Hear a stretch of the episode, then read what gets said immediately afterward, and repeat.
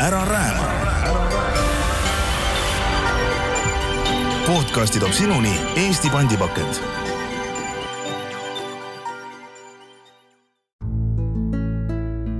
täna võtame teemaks biojäätmed ja komposteerimise. komposteerimine ja sorteerimine on paberil justkui lihtne, aga praktikas ei taha see asi eriti hästi käima minna vanast harjumusest visatakse toidujäätmed olmeprügi hulka, mis on aga puhas raiskamine nii nende jaoks, kes biojäätmeid muust prügist ei eralda, kui ka jäätmekäitlejatele. ja tegelikult on see raiskamine veelgi suuremas pildis, sest biojääde on ülimalt väärtuslik kraam. miks, sellest räägimegi. aga teemaks tulevad veel ka biolagunevad prügikotid, koduse ja suures tehases komposteerimise erinevus ning ehk muudki olen Rohegeeniuse vastutav toimetaja Ivar Soopan ja olen appi kutsunud Kalle Krentsi, kes on Maardus avatud uue biogaasitehase EKT Ecobio arendusjuht. tere, Kalle! tere, Ivar! kutsusin teid rääkima sellepärast, et Ecobio tehas on sellise erilise suunitlusega, mis läheb päris otseselt kokku ka Eesti elanike ees ootava kohustusega. ehk siis selle aasta lõpuks on biojäätmete eraldi kogumine kõigile kohustuslik ja Ecobio tehas on ka ainukesena Eestis spetsialiseerunud just toidujäätmetest biogaasi valmistamisele. et kas äh, naljatades võiks öelda, et teie leib on ära visatud ja, ja soovitatavalt juba hallitav leib no see vastab täiesti tõele, et, et just nimelt, et ega me ei ootagi ju tehasesse seda, seda täiesti söödavat kraami ja värsket kraami, et meie, meie tehas nii-öelda sööb just nimelt seda, sedasama hallitanud leiba, banaanikoort, õunasüdant ja mida iganes seal veel kõik, mis ikkagi eh, kodumajapidamisest toidulaualt üle jääb või siis ka, või siis ka see roheline osa, mis on seal äh, lillepotis, et, et need asjad on sobivad meile. mida te seal koormates näinud olete, et ja mida neis koormates tegelikult näha ei oleks tahtnud? noh, ütleme niimoodi, et me, me nägime seda, mida me natukene arvasime, et seal on, et, et ega me, me esimest päeva nagu selle teemaga ei tegele ja, ja see koormate sisu oli, oli väga plastirohkem plast äh, ei ole see, mis kuidagi biolaguneb, et äh, üldjuhul ja, ja, ja kui ta siis kuidagi äh, on pandud selliseks, et ta laguneb, siis ta laguneb paljudeks tükkideks ja see on, see on ka mure. aga see plasti kogus, jah, et me loomulikult, et, et tehas on nii disainitud, et see, see plast, plast kõik võetakse sealt sellest ja muud võõrised võetakse sellest biomassist välja ja, ja tegelikult meie tehas, tehase üks, üks sihuke ring, ringi, ringmajandus on see, et, et seesama, see võõris annab siis sellele tehasele sooja vajalikku, et ega kaduma midagi ei lähe. aga, aga juba see, et, et ikkagi see, see ideoloogia, see mõte, et seda plasti peab seal vähem olema, see on nagu, see on nagu see meie suund, et, et seda, see, see on tehasele lihtsam, mida vähem on plastikut ja, ja, ja võime teha see läbilaskevõime sellest ka ainult kasvab mm. -hmm. no plasti puhul ma saan aru, et, et jutt on peamiselt siis kilekottidest või äh,? mitte ainult, et äh, seal oli kõike, seal oli kilekotte, plastkarpe, mm, plastpudelit isegi oli seal natukene ja noh, kes, kellel mida siis inimesel järgi jäänud on, et, et jah, et, et jah, et ketšupi pudelit oli ka näha mm. -hmm. kilekottide teema on tegelikult üks üsna segane teema, eh, mida võiks ju tegelikult ka siis riik paremini vist korraldada ja, või siis reguleerida juba, et, et jaekaubanduses oleks ka selge pilt, et eh, põhimõtteliselt ju ei, ei keela müüjal mitte miskit müüa siis neid nii-öelda biolagunevaid kotte, aga mis tegelikult ei ole sada protsenti biolagunevast materjalist, et kui sul on näiteks, ma eile just vaatasin äh, mida e-poodides müüakse, et eh, leiab eh, palju sellist kakskümmend viis protsenti maisi ja, ja tärklist. ja kõik muu on mulle teadmata, mis seal on, sest seda ei ole kirjas. et eh, kardetavasti võib see olla fossiilsest materjalist. ja need sümbolid ja märgid, mis on nendel biolagunevatel, väidetavalt biolagunevatel kilekottidel.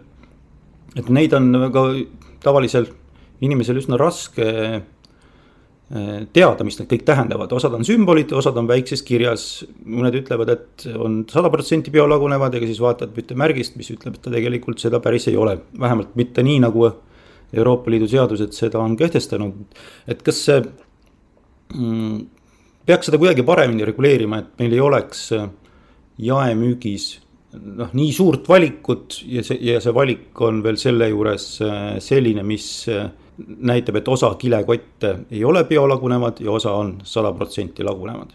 noh, ka see veel, ma, ma ütlen siia juurde, et ka see veel, et kui, kui keegi tootja ütleb, et jah, tal on sada protsenti biolagunev, et, et siis on ikkagi jääb veel küsimus, et, et kas tal on biolagunev või komposteeruv. ehk et mm, -hmm. et biolagunev võib tähendada seda, et ta lihtsalt äh, soojuse ja niiskuse või, või päikese toimel laguneb tuhandeteks, miljoniteks tükkideks, eks ju mm. -hmm. aga, aga mis siis kasu on, siis on meil mikroplasti kõik kohad täis. et, et see ei ole ju nagu kuidagi keskkonnale midagi head, eks ju. et tegelikult on ju nii, et, et ähm, need on ka olemas tõepoolest kaubandusmüügil ja üldtunnustatud natukene ma jään vastuse võlgu, mis sertifikaat see täpselt oli, aga, aga on sertifitseeritud kotid ka olemas, mis siis äh, lagunevad jäägitult tööstuslikus kompost, tööstusliku kompostimise käigus ja seal, sealjuures, kui see, seal on ka tingimused, kui pikalt see, see kompost, kompostimisprotsess peab käima. täna Eestis on niisugune naljakas lugu, et äh, tegelikult äh, meil ei ole sellist äh, tööstuslikku protsessi kus need, ka need äh, väga kõrgel tasemel sertifitseeritud äh, kilekotid siis lõpuni ära laguneksid mm. -hmm. et, et nad jäävad lõpuni lagunemata. ja, ja, ja ütleme, seetõttu on ka see, see teine naljakas teema, et, et ka kompostijad täna, kes Eestis tegelevad äh, siis biolagunevate jäätmete kompostimisega, mulla tootmisega sellest ja, ja ka meie tehas, kes me siis ka teeme siis väetist ja ja, ja, ja meie protsessides on põhimõte, et me püüame võimalikult palju kilekotte enne protsessi sisenemist juba kätte saada, sellepärast et me ju pärast veel eriti, kui see kilekott on seal kuskil ühise massi sees, me ju ei tea, missugune kilekott on mm, -hmm. on siis, siis lagunev või mitte. ja selle tõttu ongi esimene etapp protsessis on kilekottide väljavõtmine ja siin tuleb kasuks see, kui see kilekott ära ei lagune mm. -hmm. et kui ta on see mingi, mingi natukene sihuke kergem kilekott, nii-öelda väiksem ja et ta siis käest ära ei laguneks. et jah, meil see protsessis on juba raskendav see, kui keegi hakkab loopima ära mustade prügikottidega, suurte mustade, eriti veel need ehitusmaterjalide jaoks olevad prügikotid, mis on eriti paksud. Need on probleem tõesti, need on kõikidele, kõikidele käitlejatele probleem mm. -hmm. aga, aga nüüd, nüüd see tavaline väike kilekotikene, see ei ole ületamatu, aga see võetakse protsessis ennem välja. ehk et, et siin on, kus, kus on see mõttekus, et miks sa peaksid siis ostma seda, seda biolagunevat kotti, mis on üldjuhul ilmselt kallim. -hmm. kui see protsessi sinna sellesse õigesse protsessi Eestis ei jõua. ta ei, ta ei lähe sinna sellesse kompostimise protsessi sisse. mingid võib-olla väiksed tükid, mis sealt nagu lagunevad, et need siis võib-olla kuidagi satuvad. aga, aga jällegi aja, aja mõõde on see, mis on takistuseks et nad ei jõua lõpuni laguneda mm. -hmm. et põhine üks äh, soovitus, ma saan aru, et on see, et äh, koguda lihtsalt ämbrisse ja mitte kasutada mitte mingisuguseid kotte, kuna ei ole teada, mis need kotid tulevikust kuskil seal teevad. just, et, et neid plastkotte tõesti ei soovita kasutada. Äh, kasutada soovitan siis täiesti paberikotte, mis on siis ikkagi paberist, mitte, mitte nagu tavalisest paberist, mitte mingit lamineeritud.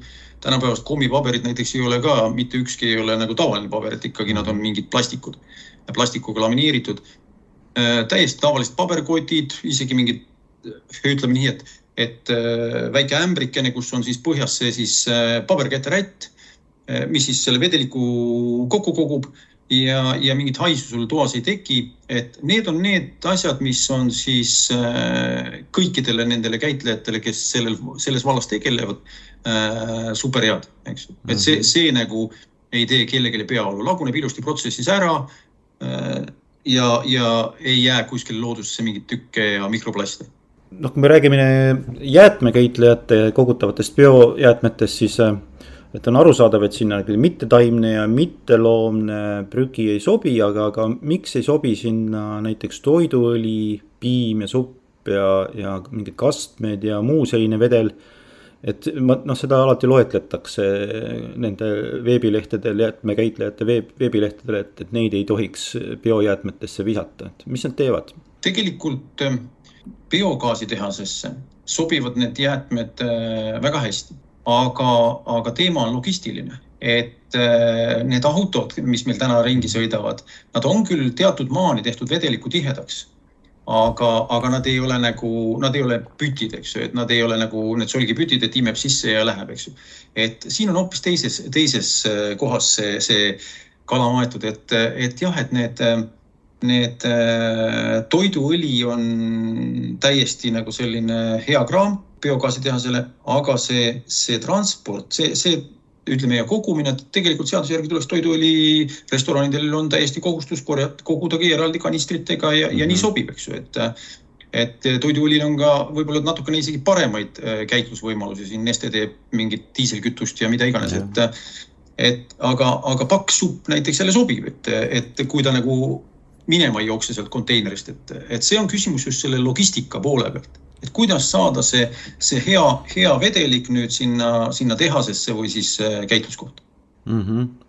jah, ja samal ajal äh, reovee kogujad ja et, veeettevõtted on hädas, et sisse valatakse jälle kõik neile torudesse, mis ei ole ka neile üldse teretulnud. nojah, et rasvad teevad paksu pahandust, et. jah nii on jah, nii et põhimõtteliselt, kui ma kodus, äh, mul on kiirkomposter selline vahtplastist umbes rinnakõrgune, et, et sinna ma võin, eh, on, on need kõik teretulnud, need vedelamad eh, tooted. ma arvan, et, et seal tõmbab see ilusti käima, et ei ole probleemi. ei ole probleemi, noh, ütleme niimoodi, et alati soovitan korralikult segada, korralikult valida nagu komponente ka tahkemaid sisse, et siis, siis, siis asi toimib ja, ja tõepoolest ei mingit, mingit probleemi ei ole. noh, ütleme kodus kompostriga on, on natukene muresid sellega, et eks, eks ta eks ta üks, noh, kui jah, kui on äh, selline soojustatud, aga, aga neid kaubandusvõrgus müüakse ka ju neid päris neid lihtsalt plastikutükid kokku pandavad, et äh, et ega seal temperatuur nüüd väga hästi ei tõuse ja ei säili talvel, et talvel on ta kasutu ja, ja, ja suvel, suvel on ta siis äh, närilisi ja kärbseid kutsub kohale, eks ju, noh, kui, kui, kui on veel natuke kehvemini segatud ja, ja õhutatud ei ole piisavalt, et noh, eks need muresid seal on mm. -hmm. aga noh, ütleme meie soovitame koduses kompostris ikka nagu aiajäätmeid nagu kompostida mm, -hmm. et, et see, mis, mis aiast tuleb, et, et selles mõttes jah, et toidu, toidujäätmed soovitame ikka ära saata mm -hmm., jäätmekäitlejale üle anda ma siin jah, esimest kuud või natuke rohkem olen katsetanud kiirkompostrit ja õnneks mul on see paksu seinaga äh, vahtplastist ja see hoiab sooja väga-väga hästi. ja siin okay. selle külmaga ei ole mingit temperatuuri langust olnud aga näis, mis närilistest saab, aia taga juba kõnnivad siin lume peal, aga söövad linnutoitu. et kas nad tungivad sinna ka, eks seda näeb. aga eh, kui kompostimisest räägime, räägime, siis eh, kui seal on eh, ainult taimne jääde või kui see on segatud ka loomsete jäätmetega, näiteks liha ja lihatoodetega, on seal mingisugust vahet teie jaoks? Teile sobib kõik tehasesse sobib kõik selles mõttes, et eks siin loomsete jäätmete puhul on, on hoopis teised seadused tulevad mängu, et mm, -hmm. et loomsed jäätmed ka kategooria, kate, on kategooriates, meie tehasel on olemas äh, teise ja kolmanda kategooria loomsete jäätmete load ehk et siis äh, päris ikka loomaveri, verist äh,, verist liha ja konti või noh, see konti nagu üldse ei sobi, aga, aga seda äh, loomakeret ka nagu me ei võta, ei, ei saa ja ei tohigi. ja noh, ega see protsessile ka võib-olla nagu head ei tee, aga kõik, mis juba on natukenegi pakendatud, töödeldud, see kõik meile juba sobib, et aga noh, jah, sealjuures siis ikkagi välja arvatud need kondid, sellepärast et eks need mm -hmm. kondid tekitavad seal äh, sarnaselt, sarnaselt mingite muude tahkete, kõvade esemetega, kividega näiteks teevad ikka paksu pahandust, et, et just sellesama, et, et tehas on disainitud selleks, et võtta nüüd välja kilekotid ja pehmem sihuke kraam, mis ei, mis ei sobi sinna kääritusse, siis, siis selleks on spetsiaalsed masinad, äh, labadega purust, purustid, eks ju. ja, ja kui sinna ikka keegi kondi või kivi, kivi, kivi sisse satub, siis on, siis on seal purustil tükid taga, eks ju mm. -hmm kui kaua see teil aega võtab, et ühest autokoormast jäätmetest saab äh, see päris valmis biogaas, mida saab bussides ja ma ei tea, autodes kasutada? See on nii, et, et kui me võtame nii, et kui see materjal on juba ära puhastatud, noh, seal, seal meie esimeses etapis, et noh, see võib-olla võtab seal paar päevakest aega, et see rohkem ei võta, siis on ikkagi üks kuu on see selline ettevalmistatud biomass, mis on väga sarnane hambapasta konsistentsile ja, ja sihuke äh, paksem, paksem sihuke möks, et see on siis kuskil kuu aega selles pikas reaktoris äh, liigub päevas võib-olla edasi ühe meetrikese seal, seal ja pidevalt segatakse äh,. pidevalt teda siis soojendatakse, et ta ikkagi, tema temperatuur oleks siis, siis äh, vajalikult äh, sobiv bakteritele, et, et õiged, õiged bakterid seal ilusti elaksid ja see metaan sealt eralduma hakkaks. et kuu aega siis reaktoris, pärast järelkääritis veel nii, et noh, kuskil kahe, kahe kuuga circa on, on see, see mass sealt läbi ja, ja gaas meil ikka kõik käes, et, et mis seal siis oli.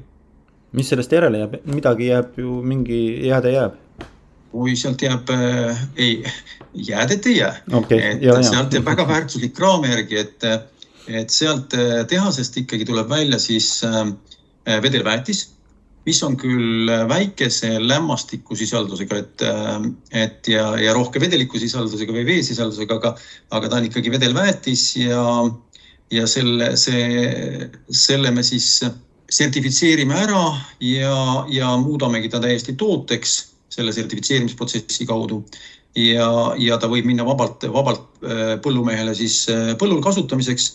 ja siin on äh, esimesed, esimesed arvutused on ka juba tehtud, kus siis nagu just sellesama väetise kriisi valguses, et kus siin väetise hinnad lakke kargasid, siis, siis arvutasime ka välja, et kui palju siis tavaline selline see digestaat siis, mis meie tehasest välja tuleb, et palju see siis seda, seda mineraalset lämmastikväetist asendab ja siis oli niisugune arvutus, et kolmsada kuuskümmend tonni aastas mm. -hmm. et äh, see on äh, põllumeeste, põllumehe jaoks päris suur kogus, et mm -hmm. ja päris suur rahaline kogus, et et, et see, see ikkagi asendab siis täiesti, täiesti ja, ja pluss, pluss on veel see, et ta on mineraalväetisest ka natuke parem selles mõttes, et ta on ju orgaanika põllule, põllule, mullastikule parem. Äh, jah, ainuke nagu häda on see, et eks transporti tuleb rohkem kasutada, et, et kogus on suurem ja siis järelikult teil suurt midagi alles ei jäägi, et, et ka selle soojuse, mis teil tekib, kasutate ise ära? Soojuse kasutame ise ära, natukene toodame seal äh, elektrit ka sellest samast äh, võõristest kasutame ka selle elektri ära.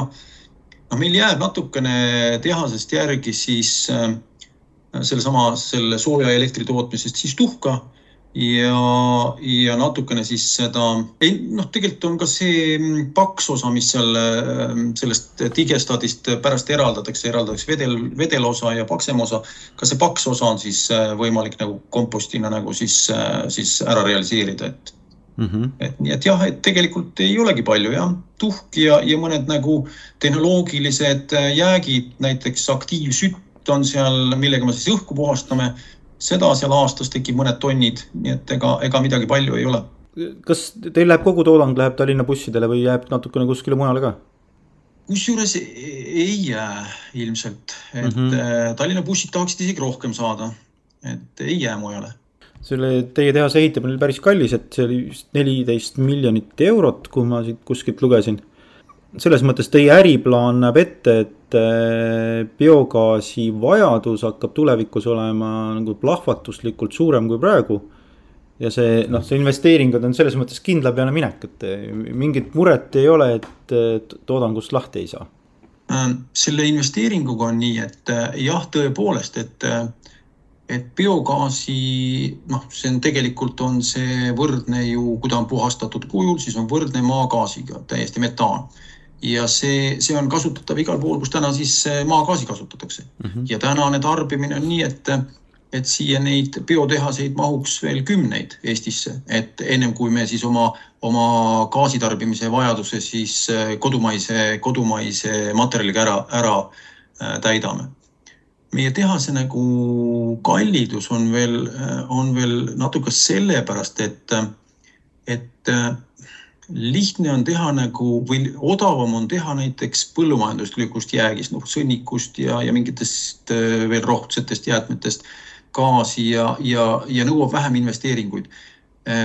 meie tehase teeb kallimaks see just see elanikelt kogutava.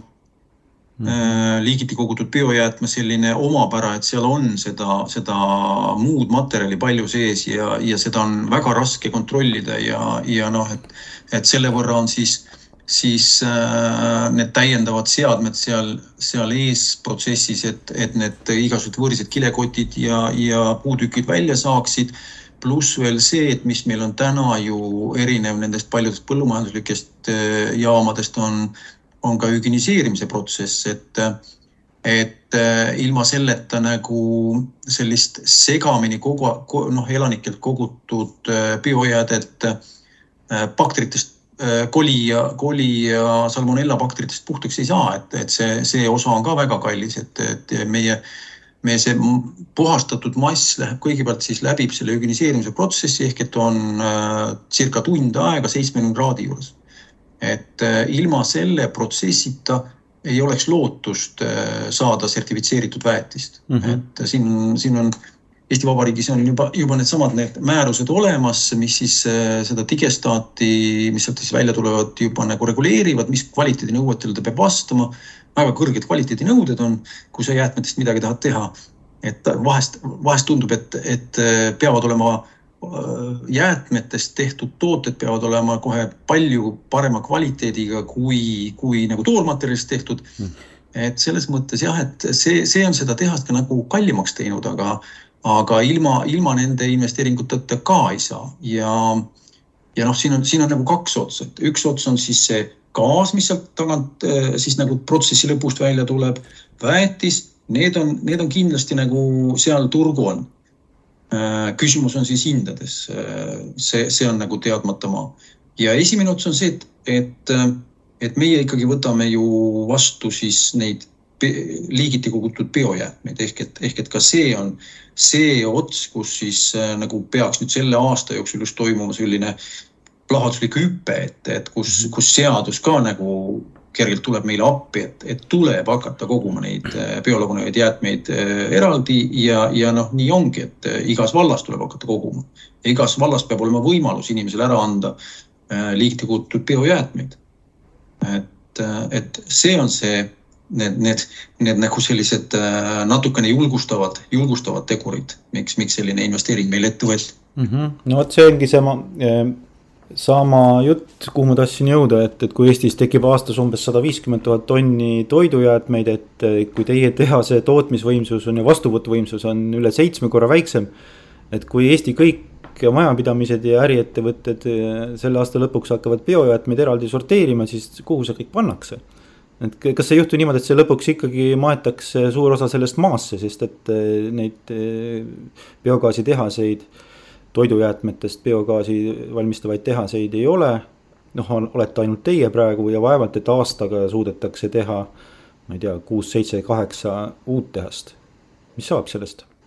ütleme, olles olnud jäätmekäitluses võib-olla isegi natuke liiga kaua, väga pikki aastaid, siis sellist ähm, sellist äh, nii suurt hüpet, et nüüd kõik inimesed hakkavad äh, väga korrektselt äh, biojäätmeid eraldi välja võtma, sellest äh, nii-öelda eraldi panema siis äh, muudest segaolmejäätmest.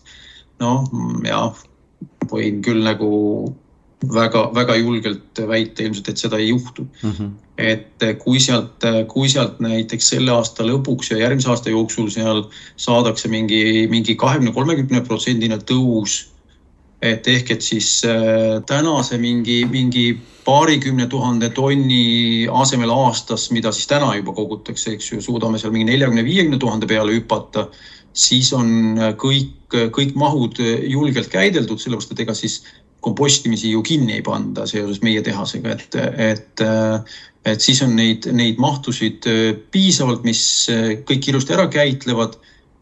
ja, ja olles siin aastaid käinud neid samu, neid biolagunevate jäätmete konteinereid, siis eh, ka erinevate ajakirjanikega koos ja tuuridel siis vaatamas erinevates linnades, siis, eh, siis no tee, tee, mis sa tahad, no, no ei tule sealt sellest, eh, kui kohustus on kortermajal, suurel kortermajal on kohustus biolagunevaid jäätmeid kokku koguda ja, ja pannakse sinna ilusti see konteiner, väike, väike saja neljakümne liitrine konteiner ka püsti seisma, eks ju, siis, siis õnnetuseks on need ka kohustuslikus korras pandud konteinerid ikka tühjad mm. -hmm. ja, ja nad, nad võib-olla õrn, õrn kirme on seal midagi põhjas ja ikka need äh, biolagunevad jäätmed on selle suure maja selles segaolmejäätmete konteineris.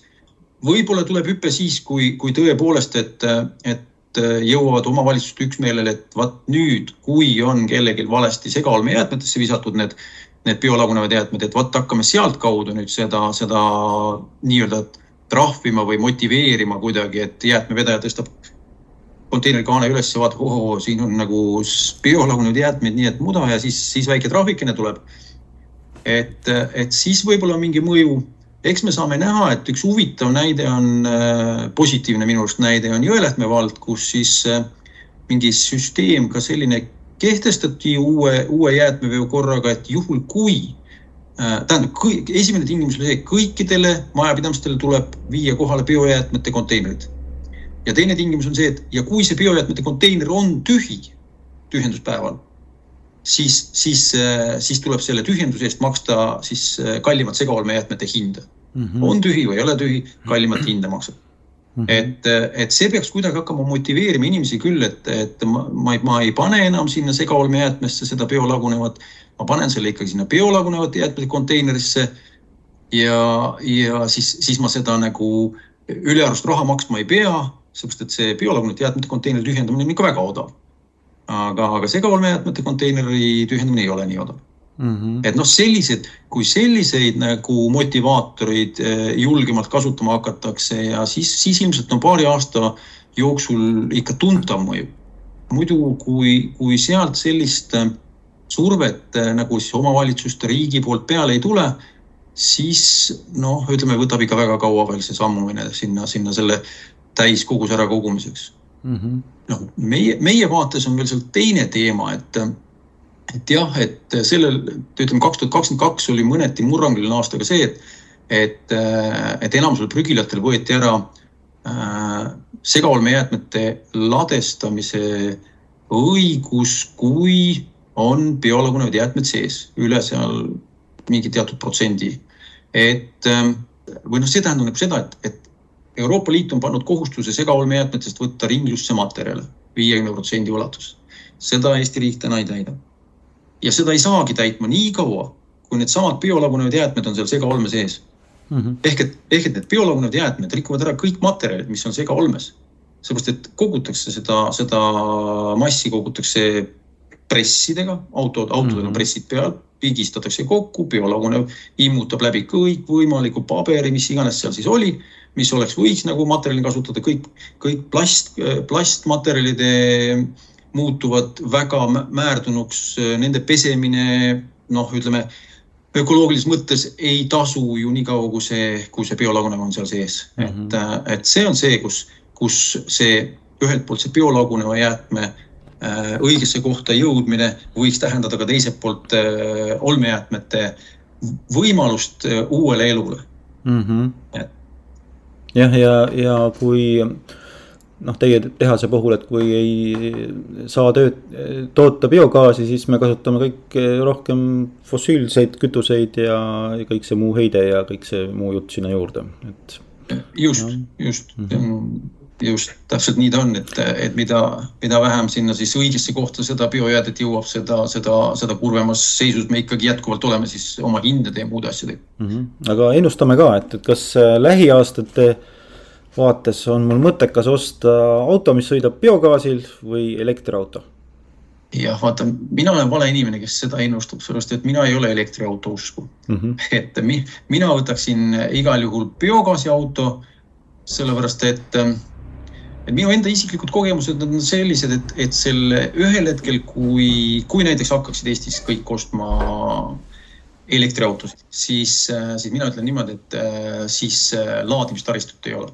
Et see, see täna, tänased võrgu koormused on ju väga-väga piiratud juba ja, ja noh, kuna ma puutun töös kokku ka siin, ka siin selle elektriliitumistega, et siis, siis vähemalt nüüd lähimat äh, kümme aastat mina ei julgeks küll midagi, midagi elektriauto suunal võtta ja, ja kuna me oleme ikkagi talvine, talvel ikka mm -hmm. meil on päris talved ja, ja siis äh, vahemaad on ka ikkagi linnade, nende üksikute linnade vahel, mis meil on, on, on suhteliselt pikad elektriauto jaoks, et jah, ma ei, ma ei ole seda tüüpi inimene, et ma tahaks teha iga saja kilomeetri tagant kuskil mingit peatust ja, ja nii edasi, et jah, aga mina võtaks biogaasi auto. selge, vot selline elu siis ootab ees. aga lõpetame tänaseks vestlesin biogaasitehase EKT Ecobio arendusjuhi Kalle Krentsiga biojäätmete kogumisest ja tänan, et kuulasite.